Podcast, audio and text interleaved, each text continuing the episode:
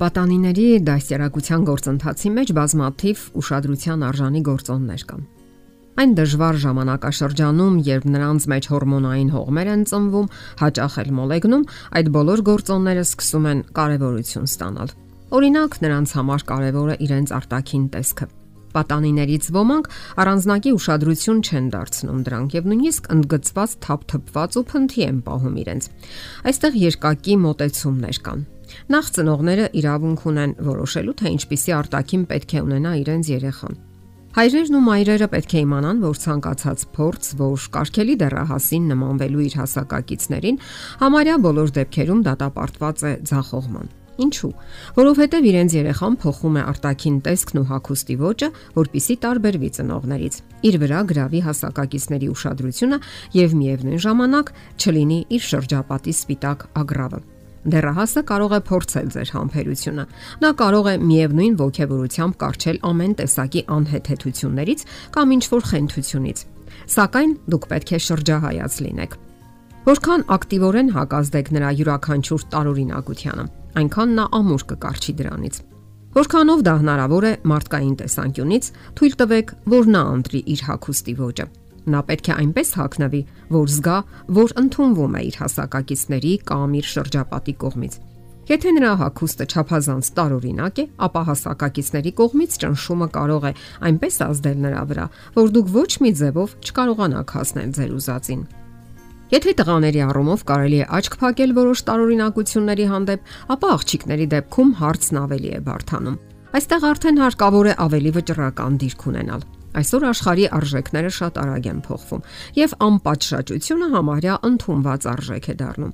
Եթե դուք ունեք ամուր եւ սկզբունքային արժե համակարգ, պետք չէ զիջել դրանք։ Պետք չէ թույլ տալ, որ դեռահաս աղջիկները հակնվեն այնպես, ինչպես իրենք են ցանկանում, եւ որ հաճախ անցնում է պատշաճության սահմանը։ Այստեղ հաստատուն դիրք է պետք։ Միշտ պետք է դեմ լինել այն ամենին, ինչը համարում եք անթույլատրելի բարոյական արժեքների տեսակետից։ Եվ սա ճիշտ է եւ կարեւոր է հենց դեռահասի համար։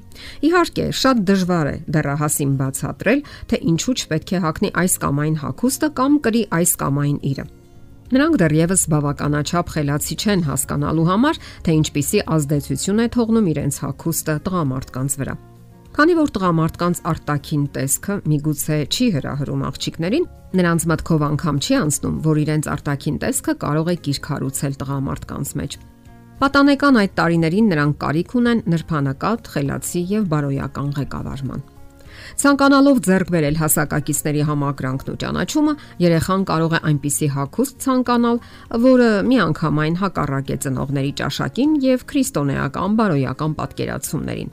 Երեխան իրականում ձգտում է ձեռք բերել ընտանիքի անդամների ըմբռնող վերաբերմունքը եւ դա չստանալով կարող է ընկնել հակառակ ծայրահեղության մեջ եւ ավելի հրահրող եւ ճճան հակոստներ հակնել։ Ինչ կարելի ասել երաժշտության առումով։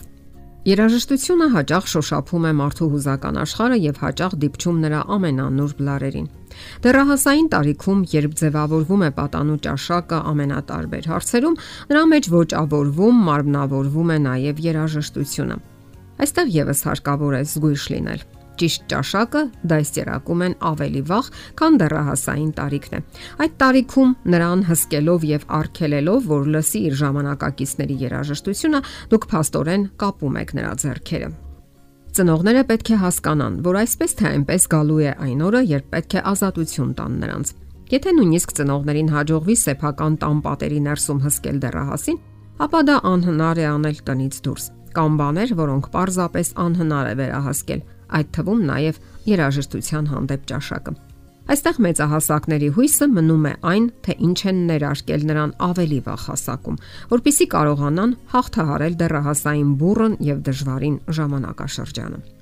Այդ տարիքում ճափազանց ուժեղ է հասակակիցների կողմից ճնշումը եւ հազիվ թե գտնվի մի պատանի, որ կարողանա դիմադրել այդ ճնշմանը։ Կամքի առանձնահատուկ ուժ է պետք դիմադրելու ժամանակի ընդունված եւ պարտադրվող արժեքներին։ Նույնիսկ մեծահասակները չեն կարող ասել, որ իրենք այդպիսին են։ Եվ դարձյալ ծնողներից պահանջվում է ոչ կպչուն, չպարտադրվող ըմբռնող վերահսկողություն։ Պետք չէ նաև պարտադրել չհիմնավորված խիստ պահանջներ։ Բնականաբար չպետք է թույլ տալ դեռահասին, որ իր ճաշակը պարտադրի ընտանիքի մյուս անդամներին։ Ինչպես օրինակ շատ բարձր միասնի երաժշտական սարքավորումները։ Ինքն էլ պետք է սովորի հարգել մյուսների կարծիքն ու տրամադրությունը, եւ շատ բաներ անհրաժեշտ էր պարզապես ավելի վաղ սկսել։ Այժմ պատուղները քաղելու ժամանակն է։ Հիշենք, որ երեխային հարգանքը սովորեցնում են ոչ թե պարտադրելով կամ քարոզներով, այլ կյանքով։ Նա պարզապես սպունգի նմաններ ծծում է այն, ինչ տեսնում է։ Տեսնում է ձեր վերաբերմունքը ընտանիքի մյուս անդամների, այլ մարդկանց հանդեպ, թե որքանով է այն հարգալից ու պատշաճ։ Երբ այն դառնում է նորմա, նորմա է դառնում նաև երեխայի համար։ Դե ի՞նչ, եղեք ըմբռնող, կարեկից եւ սիրող ծնողներ, որովհետեւ դա հենց այն է, ինչ ցանկանում են նոր կյանք մտնող մեր սիրելի երեխաները։ Եթերում է ընտանիք հաղորդաշարը։ Ձեզ հետ է Գեղեցիկ Մարտիրոսյանը։ Հարցերի եւ առաջարկությունների դեպքում զանգահարեք 094 08 2093 հեռախոսահամարով։ Հետևեք մեզ hopmedia.am հասցեով։